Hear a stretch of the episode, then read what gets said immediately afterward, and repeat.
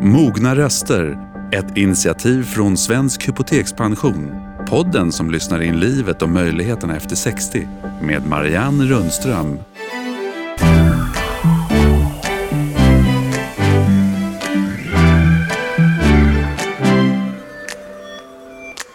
Hej bästa följare! Ja, även om de mogna rösterna kan lysa upp tillvaron så är det ju en tuff tid vi lever i just nu.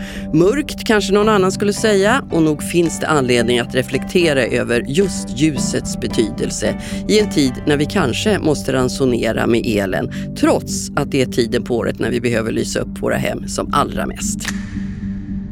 Om en stund ska vi få träffa en riktig expert på vad belysning och ljus betyder för oss. Då kommer Magnus Westberg som ägnat hela livet att fundera på det. Och ni möter också Ulf Ivarsson. När en anhörig drabbades av demens, som i hans fall, så tog han saken i egna händer och uppfann appen som hjälper anhöriga att skapa trygghet i vardagen även på avstånd när nära och kära förvirrar sig i tillvaron. Men allra först. Ja, dagens första gäst som är välkänd för er allihop, det är en sån där person som alla vill träffa och uppleva på alla sätt som går, för mångsidig är bara förnamnet. Men när jag för en tid sedan råkade på henne när vi väntade på en hiss, då inväntade jag faktiskt nästa hiss. Ryktet säger nämligen att hon hoppade på personen som skulle bli hennes man och kysste honom just i en hiss.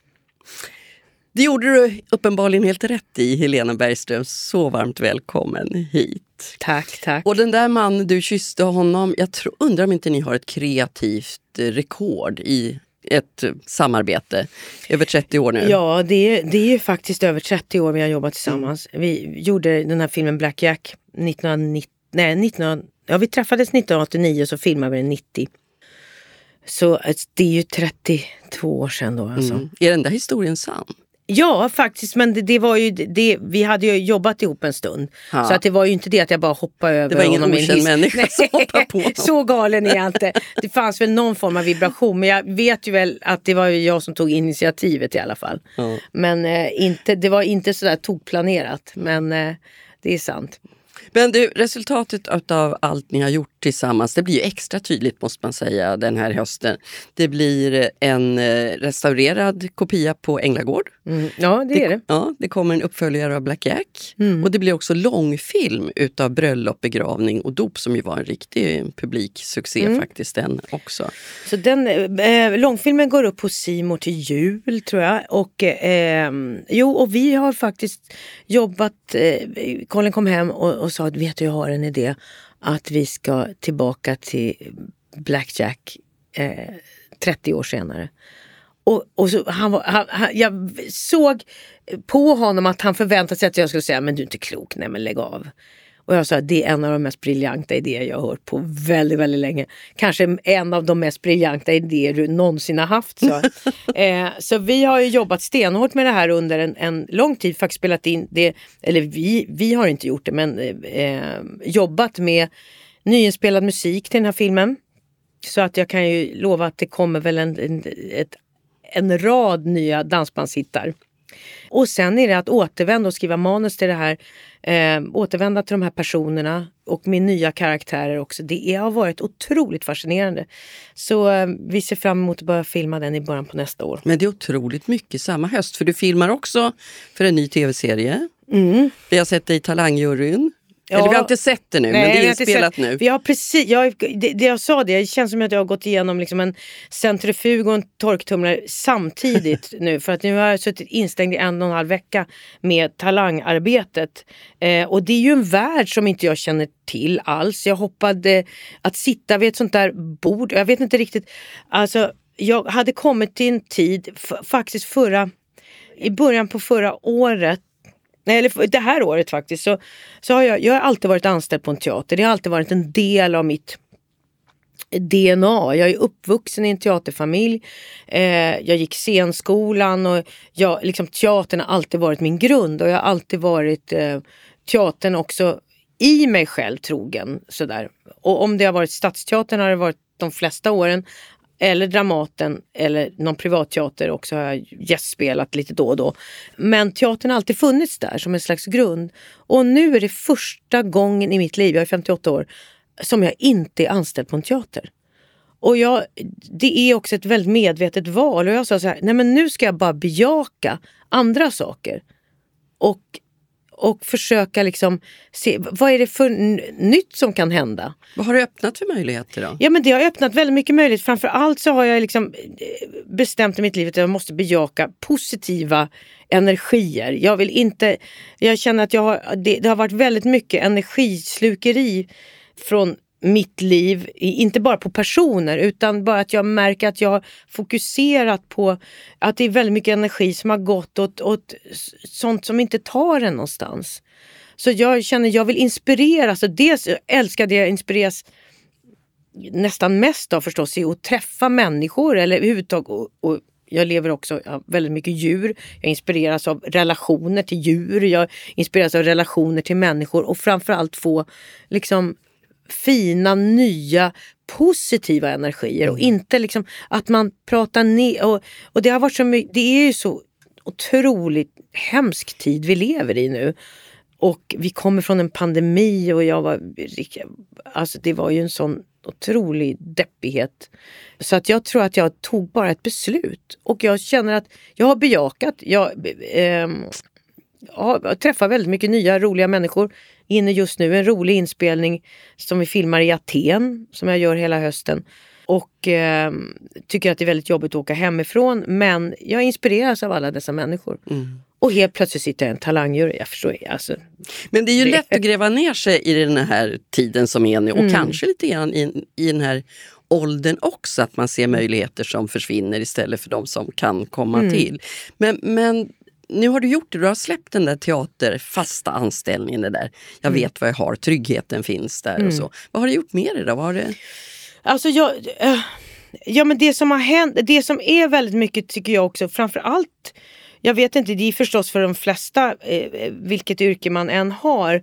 Men det är väldigt påtagligt i den branschen som både du och jag jobbar i sådär med, med att vara kvinna och att åldras. Och jag märker ju också vi, i, i min bransch, jag regisserar ju väldigt mycket också, att bara att ta det steget som jag gjorde 2005, att börja regissera själv var ju en, en revolutionerande för mitt liv, att känna att jag har också faktiskt kontroll över mitt eget liv också, att inte jag behöver bli uppbjuden hela tiden utan att det är faktiskt jag som kan få tänka hela tankar. Men eh, likväl så är jag också skådespelare som blir uppbjuden jag, jag har ju märkt att, att det, det, finns ju, det är ju fortfarande så. Jag var extremt involverad i metoo när det startade. Sen så runt mitt liv så, så blev ju det en ska man säga, en slags bumerang-effekt också eftersom jag var, kände Benny Fredriksson väldigt väl och var, han var min teaterchef. Eh, och det, det blev liksom en otroligt jobbig, eh, ska man säga, där jag drogs åt alla håll mm. liksom, och, och vad som gick fel med hela rörelsen och vad som verkligen behöver jobbas med. Men jag kan ju säga att jag upplever ändå som kvinna i min bransch den här liksom, det är grabbarna består alltså. Kvinnorna är, det är tuffare. Mm. Och, eh, och jag märker också, bara för generationen under mig, hur också skådespelare och skådespelerskor börjar liksom att man måste föryngra sitt utseende och att det är väldigt mycket botox och det är väldigt mycket fillers och det är så här, ah, Ja, men jag, jag, jag, blir, jag trodde att det var Amerika liksom, eller USA. Mm. Men det har ju kommit hit så extremt mycket och jag, jag jag tycker att det är jobb. Jag tycker att det är en tråkig utveckling. Mm. Vi ska återkomma till det. Mm. Men jag tänker, det är 15 år sedan du tog det där steget och började regissera och sen du har mm. gjort massor med nya saker. Som, det är lite därför vi har bett dig hit. Men är det här mm. en bra ålder? Du, du har inte närmat dig, eller ja, närmare gör du ju, men du är inte mm. riktigt 60 nu. Är det här en bra ålder att ta nya kliv? Vi ska strax uppmärksamma ett sånt. Ja, för mig, jag tror att jag alltid kommer vilja ta nya kliv. Jag tror att jag, jag alltså bara det för mig att sitta vid ett ett vitt bord och så är det massa kryss framför. Ska jag sitta i en talangjury och jag kan vara så här, nej men vad, alltså det, det är helt surrealistiskt. Varför sitter jag här? Men jag spelar och varför med. tackar du ja? Därför, ska jag säga varför jag tackar ja? Just för att det var, det var väldigt snälla och positiva människor som hörde av sig. Det är ett väldigt, det, det, jag kommer träffa många människor som vill någonting.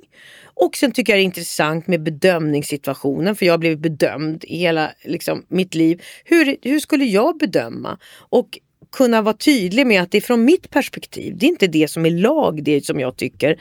Men det är, jag är tydlig med att det är från mitt perspektiv. Liksom. Så jag tyckte det var intressant. Sen tyckte jag det var ganska häftigt att jag i, i min ålder utan botox och feeling sitter där i den här eh, men jag kan säga att jag har till och med fått så här, jag är inte någon aktiv på sociala medier men jag har ju ändå det för man ska ha det. Men till och med så kom det något nu inlägg till mig där det stod om du nu ska sitta i Talang, du måste göra något med ögonen ändå. Alltså det, det är, alltså det, det, du, det finns, alltså du kan lyfta bara lite vid ögonen. Eller du kan, och du som var så söt och sådär. Så att jag tror att det är ganska nyttigt att se en kvinna också sitta där som har lite rynkor. Eh, och som är, så att det, det kanske också var en del i, i min strategi. Då. Fast du har ju gått före när det gäller den frågan faktiskt och varit ganska högljudd mm. när det gäller just, och i en bransch som är väldigt utseendefixerad och där väldigt många omkring dig ju lyfter och botoxar och allt vad man nu alltså, kan göra. Va, varför har det varit viktigt för dig? Nej men alltså i mitt yrke är det, vi, vi, vi, det är ju människor vi ska gestalta, det är människor vi ska berätta om. Och man måste ju också kunna visa uttrycksmässigt vad det är man känner. Vad alltså det, det, det, måste ju synas i ens ansikte och att åldras har ju blivit en slags ungefär som det är någonting fult som vi måste dölja. Och det, det är klart, jag kan ju inte, alltså att gå bara skrika liksom, när ingen följer efter, det är, ju, det är ju jättetråkigt för att det är ett samhällsklimat som är så.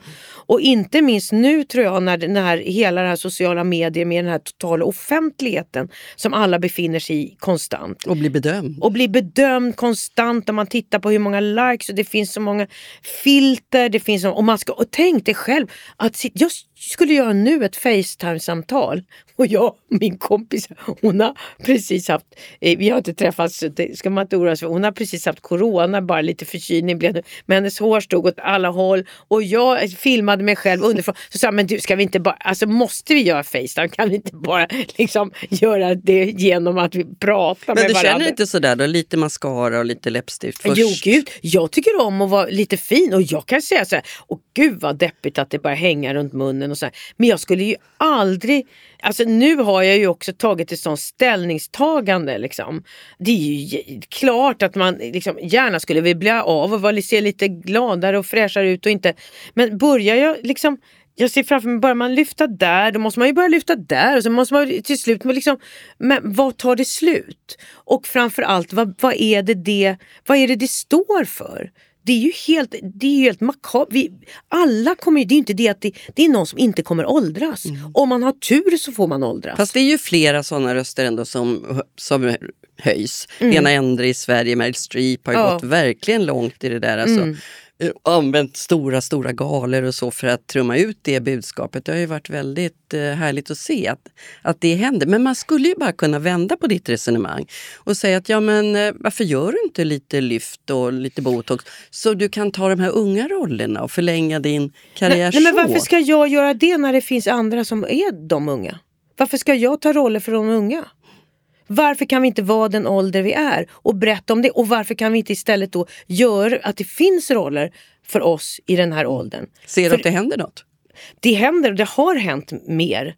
Men jag kan säga att jag fortfarande känner att jag hela tiden måste ta den här diskussionen. Ska vi prata om ett område, en plattform där du skulle kunna komma helt osminkad och där alla rynkor inte syns oavsett mm. om du har försökt jobba med dem eller inte. Nämligen eh, något alldeles nytt som heter Ljuddrama som du har ägnat åt att regissera nu på P1. Finns, mm. Ligger på SR Play. Mm. Ett, eh, en dokumentär, eller ja, du får beskriva själv lite grann, men ett dokumentärt men också ett spelat ljuddrama som handlar om före och efter Anna Linds död. Mm. Och som ger helt andra, nya perspektiv så här mm. långt efteråt på vad som hände då. Mm. Eh, men bara ljud som sagt var, inte en enda bildruta. Nej. Varför ville du göra det? Mm. Dels var det att, att jag har varit, eh, ehm, när jag blev tillfrågad för ett par år sedan var det faktiskt. Eh, så, så var det Katarina Wenstam vi, vi, vi, som kom med idén och Moa Gamma som ringde mig från, från P1. Och, och för mig kände jag, alltså då hade jag olika planer så här, på framtiden vad jag skulle göra. Och jag hade aldrig gjort något ljuddrama. Jag har jobbat på Radioteatern när jag var yngre väldigt mycket. Men, men nu har jag inte gjort det på länge. Men så skulle det handla om Anna Lind. Och då var det bara så här, jag, jag, må, jag måste bara göra det här. Och det var inte så här, det var bara så här, jag hade någon konstig känsla av att ingen annan får göra det här.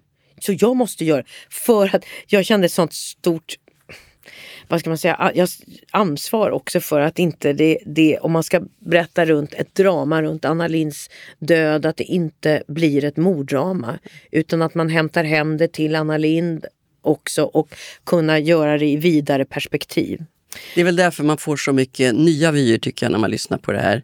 Det är det verkligen. Men, men du kände Anna Lind privat också, spelade det roll tror du? Ja, nej men vad det var för mig, jag kände ju inte henne absolut inte väl. Jag träffade henne eh, när jag var jätteung på Dramaten och då var hon kulturborgarråd i Stockholm.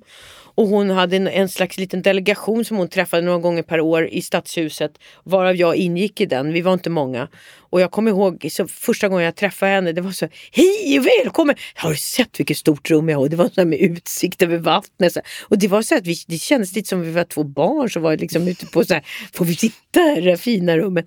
Eh, men hon var ju väldigt intresserad och var väldigt intresserad av kultur. Hon ville veta våra olika liksom, eh, vad, vi, vad vi kände och tyckte och vad som behövdes i Stockholm och allt det här. Och där träffades vi, så jag kommer ihåg att där lärde jag känna den unga Anna lite grann, men inte privat på något vis. Sen träffade jag henne, så gjorde jag Annika Bengtsson i eh, Lisa Marklunds böcker i filmatisering i sprängaren. då, bland annat. Så där började jag och Lisa umgås mycket och hon kände ju Anna ganska väl. Och de hade så här tjejmiddagar, så här powertjejer. Liksom. Och där ingick jag och Anna Lind också. Och då, så då träffade jag henne lite privat. Och då började sen då Tove Alsterdal eh, och Lisa och jag skriva på. Då var jag ju på gång att börja regissera. Så vi skrev faktiskt ett, ett långt treatment på som skulle bli min första film som jag skulle göra och det skulle handla om vår första kvinnliga statsminister och detta var då i början på 2000-talet. Ja, precis. Mm. Och sen dog Anna Lind mm. och mm. då la vi ner det där. Mm. Men före och efter heter den och det är ett exempel på att hitta nya vägar. Nu slog du in på det här ljuddramat som väl mm. inte ens alla våra lyssnare vet vad det är. Men vi kan mm. varmt rekommendera att gå in och lyssna på SR Play faktiskt. Men händer det något med dig när du gör helt nya saker? Ja, jag känner ju att jag alltid har en nyfikenhet och att jag vill lära mig. Och, och vad jag än, och jag kan ju säga det här arbetet med, med med före och efter det här. Har ju, jag trodde att ja, jag går in och gör ett ljuddrama, det är väl några månader. Inspelningen och sen klipper jag ihop det ungefär. Och de sa, ja men klippan kan klippa ihop det lite själv, sen kan du lyssna och så. Alltså det var ett, intens, ett halvt, minst ett halvt år höll jag på med det här. Och jobbade med en tekniker som var helt fantastisk som heter Nima Shams. Och vi satt instängda i Radiohuset och lyssnade på varenda sekund och vägde liksom alla ljud med guldvåg verkligen. Och vi letade i dokumentära material. Vi, alltså, det, jag blev, både han och jag blev som besatta av att det skulle också bli rätt att det, skulle, det, var, det kändes som ett sånt tungt ansvar och det kändes som ett viktigt ansvar att det här skulle bli rätt just för att det är en sån känslig, känslig situation. Och inte, inte bara det att jag kände Anna, det har inte med det att göra överhuvudtaget men det, det, jag tyckte att det var ett sånt viktigt projekt att det skulle bli rätt. Mm. Och att att jag kan ha en känsla av att om Anna skulle lyssna på det här så skulle hon tycka om det för att vi berättar någonting mer än bara situationen. Vi vill liksom spegla en, en eh, samhällsklimat då och vad det var som hände, vad som gick fel och att, eh, att det var ju bara ett sorgligt misslyckande från alla plan att det överhuvudtaget skulle kunna hända. Men eh, sen, sen förundras man ju också att jag kan sitta i slutmixen och så händer ett, en incident eller ett mord i Almedalen som är väldigt, väldigt likt. Mm det som hände 2003 och då blev man ju, det, det, det, då, då sjönk man ganska lågt måste jag säga. Ja men samtidigt desto mm. viktigare att lyssna. Mm. För det här speglar ju också just eh, misslyckandena inom psykiatrin och mm. en människa som hade sökt hjälp många gånger och mm. förvägrats det. Men jag tänker det här var ett regiuppdrag till då. Du har, mm. är det fem eller sex långfilmer? Sex långfilmer sex, tror jag. Ja. Är du huvudsakligen regissör eller skådespelare idag? Förut så här, när jag började regissera så säger jag att jag är en skådespelare som regisserar ibland. Sen säger jag nej men nu är jag en regissör som skådespelare ibland. men jag har nu kommit till att jag är allt. Och jag har en, liksom, jag tycker också man ska kunna få vara allt. Och jag märkte det nu när jag sitter i Talang. Jag är samma person som gör Anna Lind som sitter sen och i, blaja loss i, visst i talang men jag har en, eh, ändå en, en grund i mitt mi, mina värderingar och är samma person. Så att man ska kunna få vara, och det är det som jag tycker med vår ålder också. Vi ska kunna få vara allt. Mm. Vi ska kunna få skratta, vi ska kunna få vara ytliga, vi ska kunna få vara djupa, vi ska kunna få... Och, men man ska inte tappa kärnan. Men finns det några begränsningar tycker du som kommer med åren? Ja det är klart, det är fysiska begränsningar kommer ju alltid. Jag har ju insett, jag håller ju på väldigt mycket med hästar. Och jag har då min gamla häst som jag säger då, min, han är 21 år, honom har jag haft sedan han var fem år och sen så köpte jag en ny ung häst som är jätteduktig och jag hoppar ju. Ja, det är ju mitt... Gör du fortfarande det? Ja, det håller jag på med fortfarande. Och jag köper en världens finaste unga hopphäst som jag börjar träna. Och sen är det ju, alltså krävs det ju så mycket och det är ju inte helt okej okay att ramla av när man är liksom i, i min ålder. Så här. Och så helt plötsligt så ligger jag och tuggar grus för han blev rädd för någon flagga, den här nya unga hästen. Och då har jag haft honom ett och ett halvt år och hoppat runt och liksom så här. Och sen så var det några som hoppade ut, några som satt och drack i skogen. Det var också så konstigt, med blått hår. Som hoppar ut framför en... Eh, liksom, jag kommer galopperande så kommer de ut från en buske och tittar vad som händer med blått hår. Och det är klart att hästen blir rädd men då ligger jag igen och tuggar liksom, då gräs i den. Och då kände jag så här Nej, alltså det kanske blir nästa liv som jag rider OS. Mm, alltså. Det, det kanske inte blir riktigt det här livet. Det där uttrycket, upp på hästen igen. Ja, nej, nej. men då kände jag så här att nej, det här, nej, nu måste jag också acceptera, jag har mina begränsningar. så att tyvärr så har jag då med en kontakt med den nya ägarinnan till den här hästen hela tiden, för jag älskar honom så mycket, så har jag faktiskt sålt min unga häst och sen så tar jag lite lugnare på min gammelgubbe där. Tryggt för omgivningen ja, om inte verkligen. annat. Ja. Nu har du berättat om så himla många områden som, som du har travat in på, som du håller på med. Men alltså steget är ju ganska långt mellan att spela Hamlet på Stadsteatern eller Talangjuryn mm. eller vad du nu vill av alla de här sakerna vi har pratat om. Finns det någonting kvar som du är sugen på att göra som du inte har varit i närheten av? Men jag kan ju säga till exempel att göra det här ljuddramat, det har ju liksom inspirerat mig i att jag har ju lärt mig väldigt mycket nya saker. Det har ju gett mig en, en ny... Jag tycker det var så spännande spännande att sitta där och, och, och verkligen skapa bilderna genom ljud. Och, och, Det gör ju att jag måste göra många tankevurper. För hade jag bara satt en kamera på det där, då hade det varit en värld som jag känner till. Nu har jag ju fått tänka flera gånger om och jag skulle vilja använda det i mitt filmarbete. Så jag längtar ju efter att göra en ny film som regissör eh, för att se vad har, vad har den här tiden gett mig och vad har jag lärt mig på, på vägen. Och jag kan inte säga så här, alltså varenda grej som händer det är ju nytt hela tiden. Det är nya historier. Det, det är nya sätt att, att liksom, hur ska jag berätta just det här då? Eller hur ska jag spela den här rollen? Så det är ju ingenting i mitt yrke som, är, som kan stagneras. Känner jag mm. i alla fall. Men bejaka möjligheterna. Ja, det, absolut. Mm. Det, det är det man måste göra, tycker jag. Det har du visat nu en stund. Tusen tack Helena för att du kom till oss. Tack så mycket. Vi lyssnar på landets mogna röster.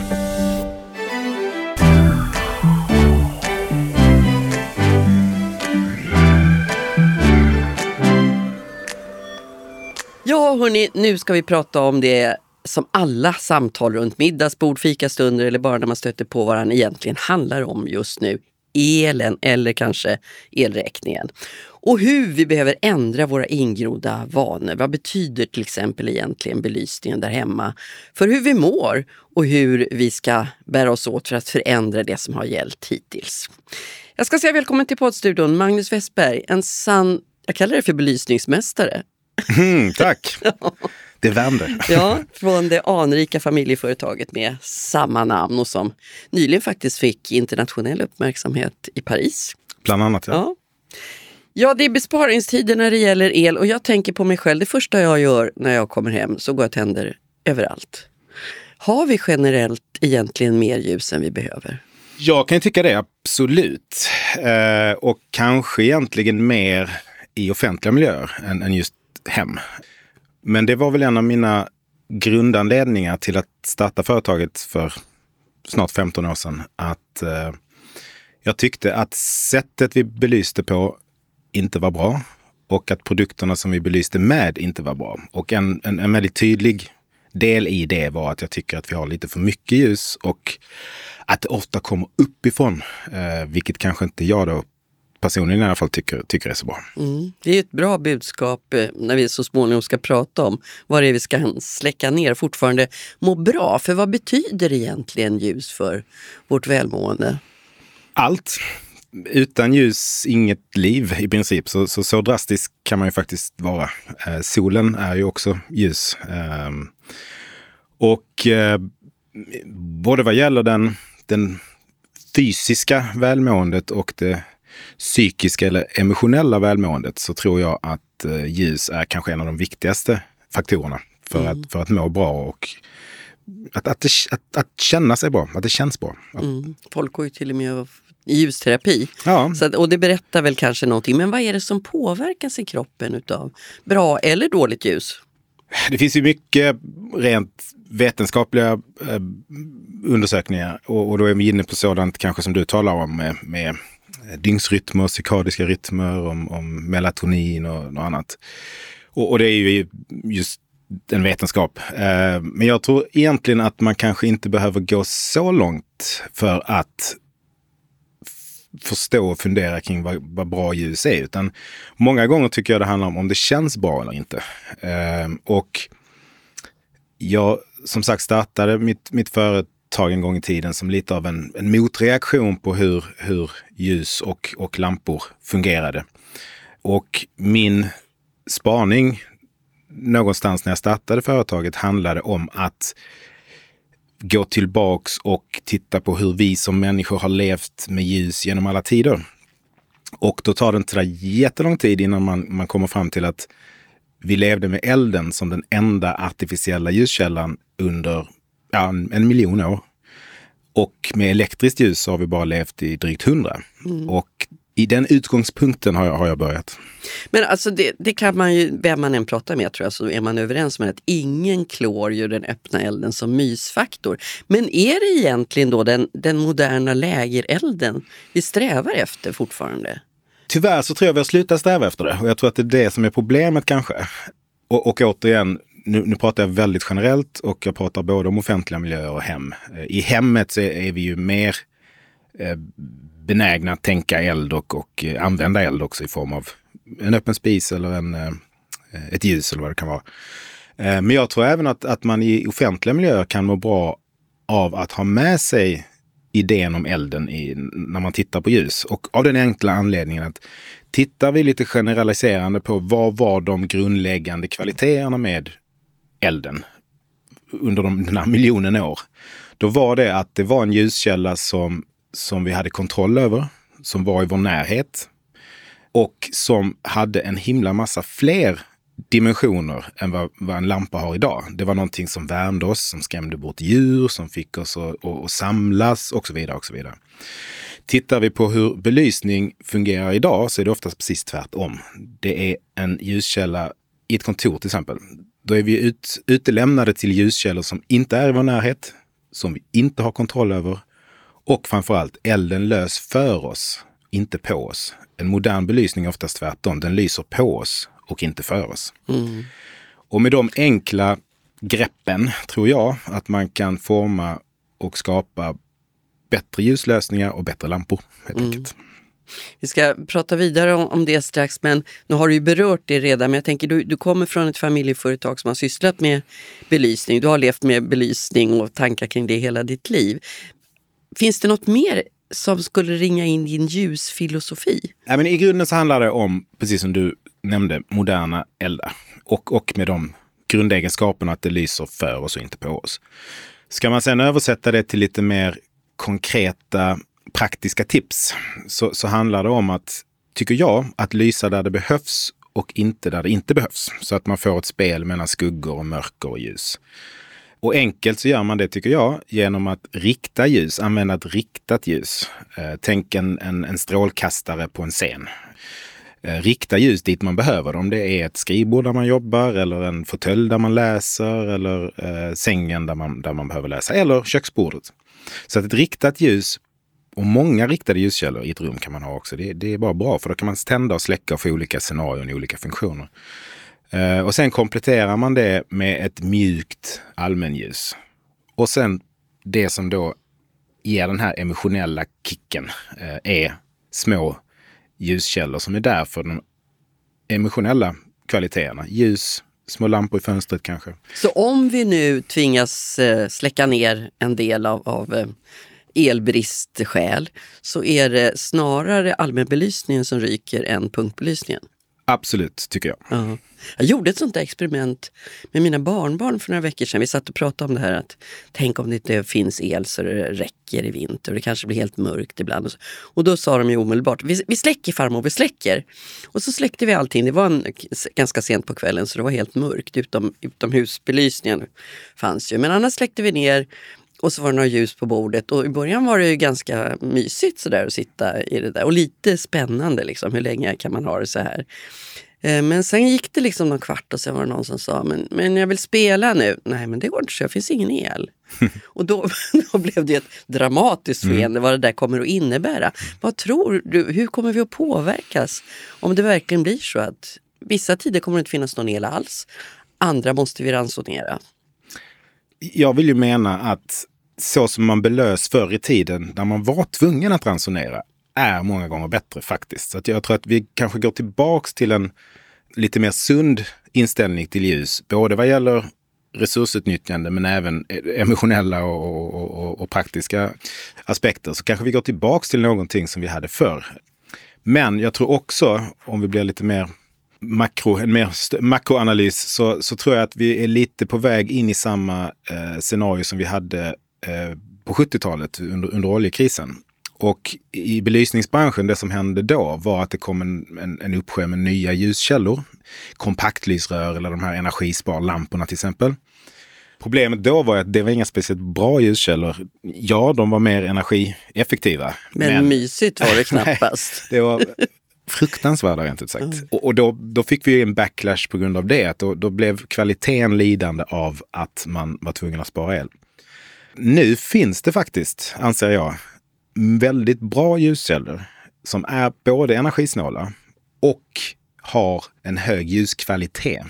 Med ljuskvalitet menar jag kanske främst hur de återger färg, att de har ett fullt dagsljusspektra och så vidare. För de första LED-lamporna var ju, man förstod att det där var ett, ett klokt val, men det blev ju iskallt urtråkigt. Ja, lite som de här energisparlamporna fast, fast ännu värre kanske. Ja. Men, men där har hänt mycket och skulle säga bara de senaste åren har, har det blivit ett jättehopp upp i ljuskvalitet. Så att du får ett...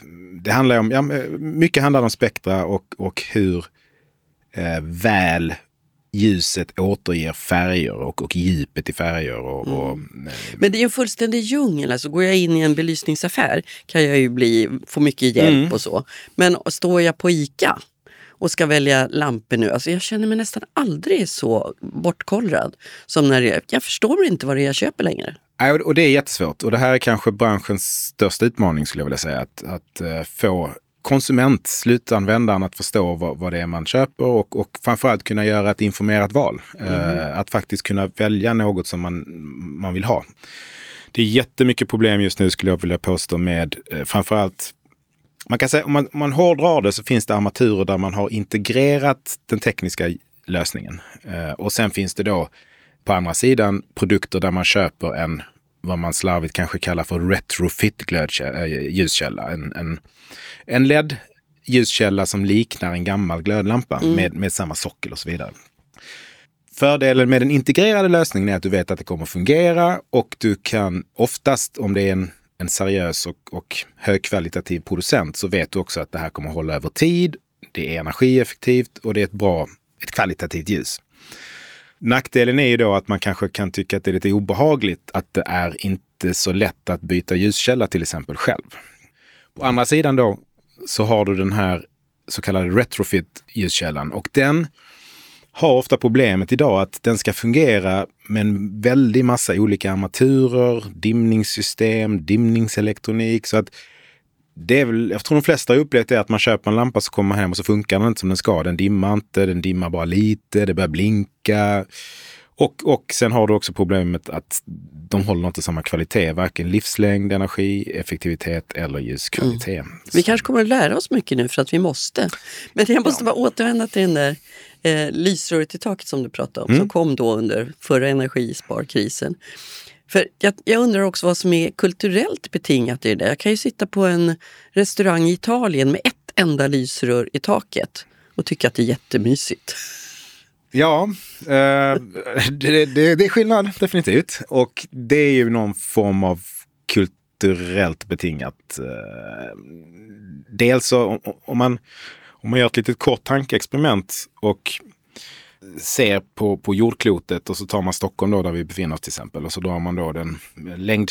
Eh, en cirkel omkring sig. Precis. Ja. Så inser man att det bor inte speciellt mycket människor norr om den linjen. Nej. Tvärtom så bor en väldigt stor andel av jordens befolkning långt söder om denna linjen. Så att vi, vi bor väldigt långt norrut och vi har därmed ett väldigt annorlunda förhållande till ljus mot mm. vad resten av, av världen har. Och det är det om du tittar i, inomskärs, alltså i landet också. Ja. Väldigt olika på landsbygd och i storstad här där det lyser ja. överallt. Det kanske inte kommer att göra i, i vinter. Och man pratar om julbelysningen. Aj, aj, aj, ja. fy, fy, fy, det, det, ska inte tändas. Men hur mycket betyder ljuset för den trygghetsskapande aspekten? Det, det, tror jag betyder jättemycket och den, den tror jag vi ska vara väldigt rädda om. Eh, sen om det handlar om, om att det är belyst på joggingspår eller, eller i parker. Den, den belysningen tror jag egentligen inte är den stora boven utan det finns så himla mycket annat ljus som Ja, man talar till och med om ljus, alltså light pollution, alltså ljusnedskräpning eh, idag. Och eh, det är ju alltifrån stora kontorskomplex som står tända på natten till eh, reklamskyltar till eh, fasadbelysningar som är helt, tycker jag då, omotiverade många gånger. Ehm, julgransbelysning visst, men, men där tror jag att det finns utrymme för, för väldigt mycket eftertanke och, och ny, nytänk. Mm. Så vad är dina bästa råd?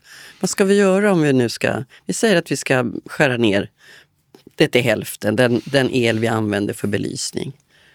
jag, tycker det finns ett väldigt fint exempel i historien. Eh, jag tror att jag vet inte om det är ett skånskt uttryck eller om det är, om det är nej det är nog svenskt. Men uh, kura skymning. Ja, just det. Jag, jag, tycker att det är så fint. Och det låter så mysigt. Ja, och det, jag tycker det är ett väldigt fint sätt att beskriva ljuset och hur man kan förhålla sig till ljus. Och, och kortfattat så handlar det om att när man för 100-150 år sedan och, och, och, tidigare bodde ute på landet eller i skogen och så var man ute och jobbade hela dagarna. Och sen när det blev för mörkt för att arbeta utomhus så gick man inomhus.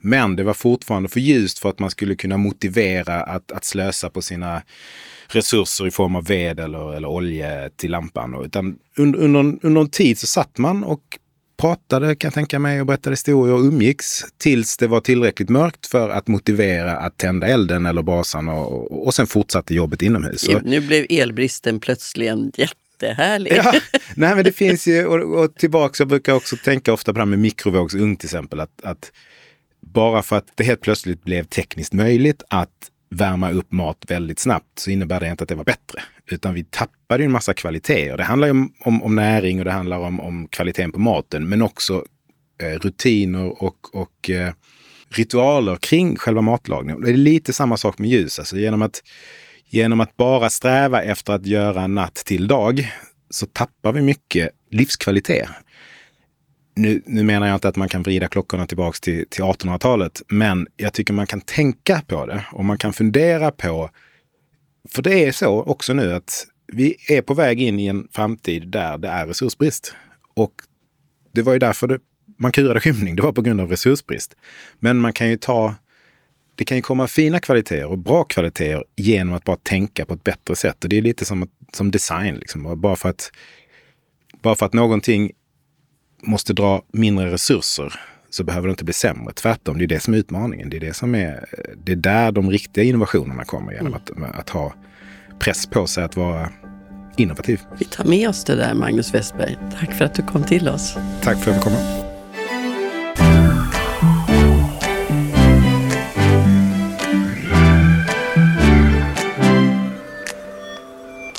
Ja, vi har pratat om att ljus kan skapa trygghet, men nu ska vi göra ett hopp och ägna oss åt hur digitala hjälpmedel kan skapa trygghet i vardagen.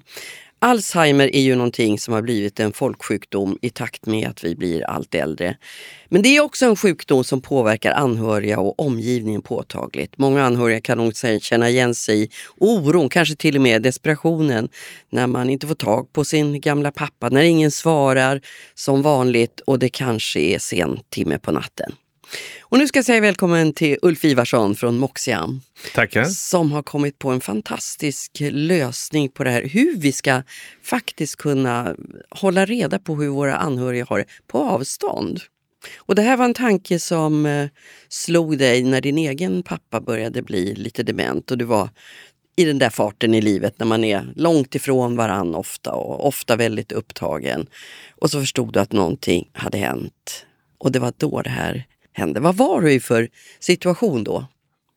Vi kallar det numera att eh, jag, som många andra, är i sandwichfasen. Eh, man jobbade med full karriär, barn, familj och försökte vara jätteduktig överallt. Och just då så kommer en av hennes föräldrar och också har de här behoven. Och man får inte ihop tiden. Mm. Vad menar du med sandwichfasen egentligen? Ja, man är tryckt från alla håll. Först så ska man vara en försörjare och få ihop det och bygga karriären. Man är kanske 50-årsåldern någonstans, 50 plus, 40, 40 eh, plus.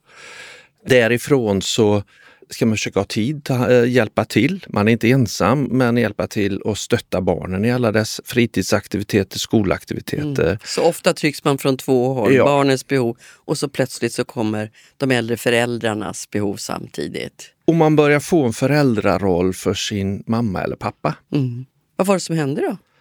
Pappa boendes i Borås, jag i Göteborg och min syster i Stockholm. Han Eh, fick demens, just, eller utvecklade demens som det heter. Och det blev successivt sämre. Så när han ringde många gånger så satt man upptagen som man gjorde eh, mitt på dagen kanske. Ringer tillbaka och får inga svar. Eh, då blir man orolig samtidigt som man har andra åtaganden. Är det akut eller inte? Mm. Och vad var det du kom på? När jag lämnade pappa en dag efter att ha varit där, stressad och lite av fel skäl irriterad på honom. Så gick jag ut, stängde dörren, satte mig i bilen och då slog det mig. Han kan ramla nu och jag vet ingenting på två dygn. Vid en svart låda och det var just det som är grejen. Ingen vet någonting hos en ensamboende, i det här fallet äldre person. Mm. Vad var det för lösning som du kom på då för att du skulle hålla, hålla koll? Nu var det Borås, Göteborg, det är inga jätteavstånd men det tar en stund att ta sig däremellan. Ja, och även för min syster då. Det är fyra timmar eh, Stockholm, eh, Borås och det vi har löst egentligen det är eh, någonting som skapar ett, en insikt via en app med rörelsemönster så jag kan konstatera om mamma eller pappa är igång som hon eller han normalt är. Och vad är det som syns i den här appen? Vi får information om vilket rum du är i. Vi får också information om att du eh, verkar som du gör normalt. Mm. Men det är ditt mönster som är avgörande, inte så någon annan. Då har du satt upp små detektorer kan man säga ja. så, i hemmet som avläses av den här appen. Och om din pappa då till exempel eh, sa, gick in i badrummet ja. och ramlade där ja. så skulle du ha sett att han inte kom tillbaks från badrummet? Eller? Just det. Så att istället för som när jag lämnade pappas lägenhet och det hade varit två dagar till nästa gång så hade jag fått informationen på kanske en tio minuter, en kvart. Mm. Det är skillnaden. Och jag får en varning om att någonting inte stämmer. Mm. En varning säger du nu, ja. men när vet du då att nu är det allvar? Varningen är viktigt för man kan aldrig veta hur allvarligt det är eh, förrän man har fått kontakt eller någon har fått kontakt med mamma eller pappa mm. och kan fysiskt kolla. Men jag får en indikation, det här är någonting vi måste kolla upp. Och då kan jag antingen ringa Svarar man inte då, då får jag äh, agera äh, och eskalera det. Men har du fått några reaktioner? Det här är ju väldigt trygghetsskapande Mm. för både den som är demenssjuk men också naturligtvis för alla anhöriga eller andra nära människor. Men har du fått några reaktioner att jag vill inte bli kontrollerad, jag vill inte du ska veta hur länge jag är på toaletten? Absolut. Och det är en naturlig reflex som vi har och det finns en balansfråga här. Men därav har vi tagit ett väldigt viktigt beslut. Vi har inga kameror. Så att vi vet, ser inte vad du gör. Däremot har vi det här med att kunna se att, att du rör dig och hur du rör dig. Så det är viktigt. Men, så integritet är en nyckelfråga, men det finns självklart en balans mellan det att ska du bibehålla ditt oberoende så måste man ha en viss insikt som utomstående. Mm. Och tryggheten i hemmen förstås, att, Ja. man, att den bibehålls även när man inte riktigt kan hålla reda på, på allting längre. Men ser nära anhöriga annorlunda tror du på integritetsfrågan än, än vad den som är drabbad gör? Över tid, ja. Men, och framförallt över tid så, änd, så ändrar vi vår uppfattning om det här. Vi har en digitalisering som pågår i samhället kontinuerligt, så det är en tillvänjningsfråga. Spontant första gången så kanske man säger, vänta jag vill veta mer. Och det har vi, stor respekt för. Det här är ju en informations och kunskapsfråga också. Men ska vi klara av det här, vilket är viktigt, och all, alla vill bo kvar i sin egen miljö och ha kvar sitt oberoende. Och för att faktiskt ha kvar det oberoendet så behöver man ha rätt stöd. Och anhöriga är den som tar absolut största arbetsbelastningen när det gäller att eh, se till sina nära och kära. Mm. Kan du ge något exempel på när ni har haft eh, verkligen nytta utav, nu pratar vi bara om din familj, men det här är ju spritt, men, men när ni verkligen haft nytta utav det här och känt att oj, utan den där hade det kunnat sluta på ett annat sätt. Ja, vi kan faktiskt ta en av våra andra kära som vi kallar Åke, som, som har två systerdöttrar som tar hand om honom. Och eh, de får ju indikationer, dels om han kommer upp på morgonen som är tänkt, Åke är 95 år, så att det, man är lite orolig. Han bor ensam och klarar sig jättebra, klar i knoppen, men kroppen börjar eh, säga ifrån. Så de känner ju en, en helt annan trygghet idag istället för att behöva ringa kontrollsamtalet och ibland inte få svar. Nu ser de att är uppe. Nu tänker jag också att det är väldigt många som aldrig får något samtal överhuvudtaget. Att det också kan ha en social betydelse, att man får kontakt, man hör en annan röst och får använda sin egen. Visst är det skönt att kunna liksom ha den dialogen utan att det i första hand är en kontrollfråga. Utan hur är läget? Vad hände igår? Vad tycker vi om den nya regeringen? Det är ju ganska aktuellt just nu om inte annat. Mm, precis, just när vi spelar in det här så väljs en ny statsminister i Sverige faktiskt. Men då jag tänker på att Alzheimer i hög grad ju är en folksjukdom och eh, den kommer att öka, det vet man därför att vi blir äldre och äldre och fler blir drabbade då. Men det är också en anhörigsjukdom. 150 000 människor, det är säkert mest kvinnor, jobbar inte heltid därför att de får lägga sin tid på att vårda sina anhöriga eller nära och kära. Vilken betydelse tror du att det här kan få för dem? Jag tror det är extremt viktigt för avlastning för att också få sinnesro att veta om, kun- känna till läget och veta nu behöver jag agera, nu kan jag faktiskt ta det lugnt. Det skapar en helt annan möjlighet. Och idag är det så här att det är över en miljon människor bara i Sverige som är anhörigvårdare. Och som du säger, många går ner i arbetstid eller har en väldigt ökad totalbelastning. Kan vi bidra till att skapa en, en bättre vardag, både för äldre och för anhöriga, så har vi faktiskt lyckats. Mm. Det var en smart idé du kom på. Det Vad är nästa steg då?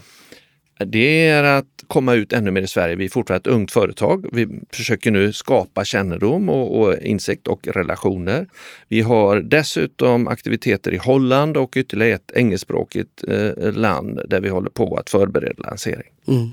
Ulf eh, Ivarsson, innan vi slutar bara, vi ska alldeles strax också ha en, vår lilla digitalskola här som pågår i några avsnitt. Därför att det finns ju ett rätt utbrett, eh, ja någon slags rädsla, motstånd mot att använda sig av digitala hjälpmedel i, i högre åldrar.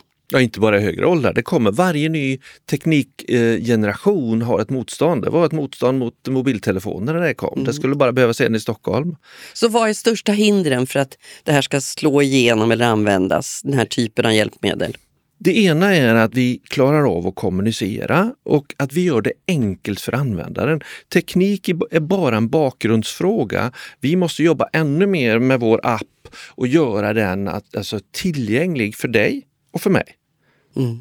Ett tips på vägen för många som ju är med om det här känner igen sig i att just att man får ta hand om sina gamla, precis som det var när, när man hade barn, småbarn, under en viss period i livet. Trycket kommer från två håll som du sa.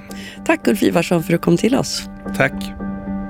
Vi lyssnar på landets mogna röster.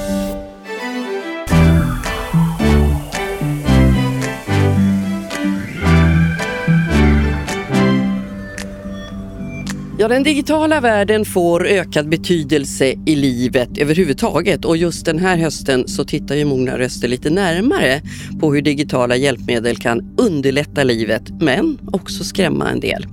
Vi gör det tillsammans med digitanten Malin Perlheden och idag så ska vi prata om e-handeln som inte minst under pandemin förändrade våra vanor totalt. Del 1. E-handel Tips för säkrare shopping på nätet. Vi svenskar e-handlar som aldrig förr. Hela 89 procent av oss uppger att vi handlar online ibland enligt den stora kartläggning Svenskarna och internet 2021. Och från att ha varit en handelsplats för främst för yngre så har nu också 60-plussarna hittat ut i nätbutikerna. Och idag handlar faktiskt två tredjedelar av alla pensionärer på nätet. Det är en jättestor ökning om man bara tittar något år tillbaka i tiden. E-handelns framfart i Sverige påskyndades av coronapandemin. Postnord de ger varje år ut en stor undersökning som heter E-barometern och enligt den så ökade e-handeln med hela 40 procent under 2020, det vill säga coronaåret jämfört med åren innan. Den största ökningen såg vi, och det är ju kanske inte så förvånande, inom dagligvaruhandeln på nätet. Den här växte med 200 procent under samma period. Och lite förenklat så kan man ju säga att det innebär att vi svenskar vi handlade tre gånger så mycket mat via nätet i juli 2020 jämfört med 2019. Det här är en stor skillnad eftersom tidigare så handlade vår nätshopping mest om så kallade sällanvaror och som sällanvaror räknas vitvaror, kläder och resor. Men under pandemin när vi rekommenderades att hålla oss hemma så skedde alltså en förflyttning. Trots att många handlar via nätet så säger faktiskt så många som hälften av alla som handlar online att man känner sig lite otrygg när man handlar. Det som man eh, känner sig osäker på är framförallt att man tycker det är svårt att, att veta vem man kan lita på när det gäller att lämna ut sina kortuppgifter. Som tur är så finns det vissa saker som kan vara bra att känna till och som kan hjälpa en att känna sig lite säkrare när man handlar på nätet. Här är fem tips som du kommer att få nytta av nästa gång du shoppar online. Nummer ett. Verkar det för bra för att vara sant? Har du till exempel hittat en drömresa för bara en spottstyver eller kanske en supersnygg vinterkappa för en hundring?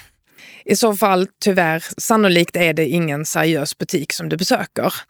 Så först och främst utgå från ditt sunda förnuft. Verkar det för bra för att vara sant så är det antagligen det också. Vad man kan göra här är att använda Google, sökmotorn, för att se vilka erfarenheter andra personer har haft som har handlat i butiken. Enklast är att skriva in butikens namn och sen ordet kundrecension efter. Och är det då många som har lämnat eh, dåliga recensioner om butiken, ja, men då är det kanske bäst att låta bli att handla där. Trygghetsmärken ska man titta efter, det är mitt andra tips. Trygghetsmärken kallas också för trustmarks. Det är små loggor som finns eh, på e-butiker som är certifierade via ett märkningssystem och därför tvingas följa vissa regler.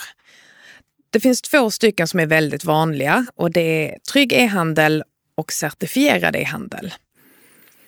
De här eh, trygghetsmärkena, du känner igen dem genom att titta efter symboler. Trygg e-handel är en rund symbol med en gul ytterring och blå bakgrund och så ett hänglås i mitten. Certifierad e-handel är däremot en grön logga med en taggig ytterring. Och de här symbolerna brukar finnas ganska högt placerade på e-handeln. Mitt tredje tips är att försöka identifiera ifall e-handeln har en så kallad säker adress. Jag ska förklara vad det betyder.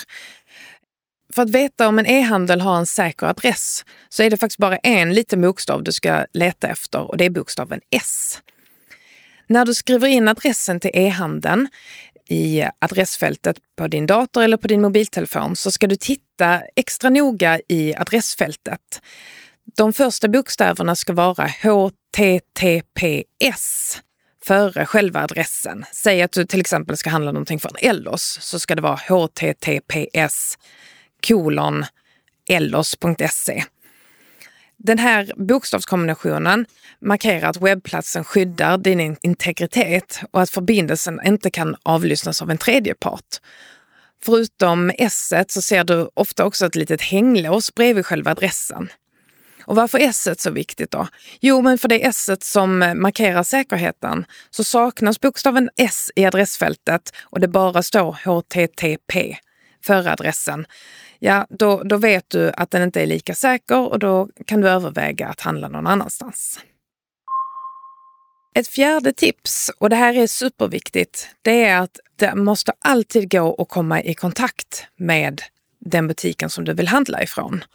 Så innan du handlar någonting så ska du alltid gå och kontrollera att det finns kontaktinformation, antingen e-post, adress eller telefonnummer så att du kan komma i kontakt med företaget. För tänk om du till exempel vill reklamera något eller har någon fråga. Så finns det ingen kontaktinformation, då handlar vi någon annanstans. Sist men absolut inte minst, tips nummer fem och nu handlar det om 3D Secure. När du betalar med ett kort online så ska du alltid läsa betalningsvillkoren och framförallt ska du hålla utkik efter någonting som kallas för 3D Secure. Ofta använder e-handeln en avlång symbol där det står antingen “Verified by Visa” eller “Mastercard Secure Code”. Lite förenklat så innebär det här att du förutom kortuppgifterna behöver ett lösenord eller att du gör en signering med ditt mobila bank-id för att kunna betala. Så en form av dubbel säkerhet. Men om olyckan är framme och om du så mycket som misstänker att du har blivit lurad så, så finns det alltid anledning att vara extra försiktig och alert. Jag tycker alltid man ska polisanmäla. Man kan gå till polisstationen, gå in på polisen.se eller ringa till 114 14. Det är jätteviktigt att alla hjälps åt att anmäla oseriösa företag på nätet. Och ju fler som anmäler, desto svårare blir det att fortsätta så att vi tillsammans kan skapa en trygg och digital ekonomisk tillvaro. Mogna röster, ett initiativ från Svensk Hypotekspension vi tackar för oss och idag och nästa gång vi hörs, ja då närmar vi oss faktiskt advent och då ska vi passa på att prata lite mat med Carl Jan Granqvist och Karsten Turefjell. Och ni vet väl förresten att till dess så kan ni ju också prenumerera på Mogna röster. Det gör man genom att klicka på prenumerera i poddspelaren. Dagens avsnitt av Mogna röster är ett initiativ av Svensk Hypotekspension. Producent har Jesper Tillberg varit, ljudtekniker Marcus Sjöberg och ljudmix Oliver Börnfeldt. Och så hörs vi igen.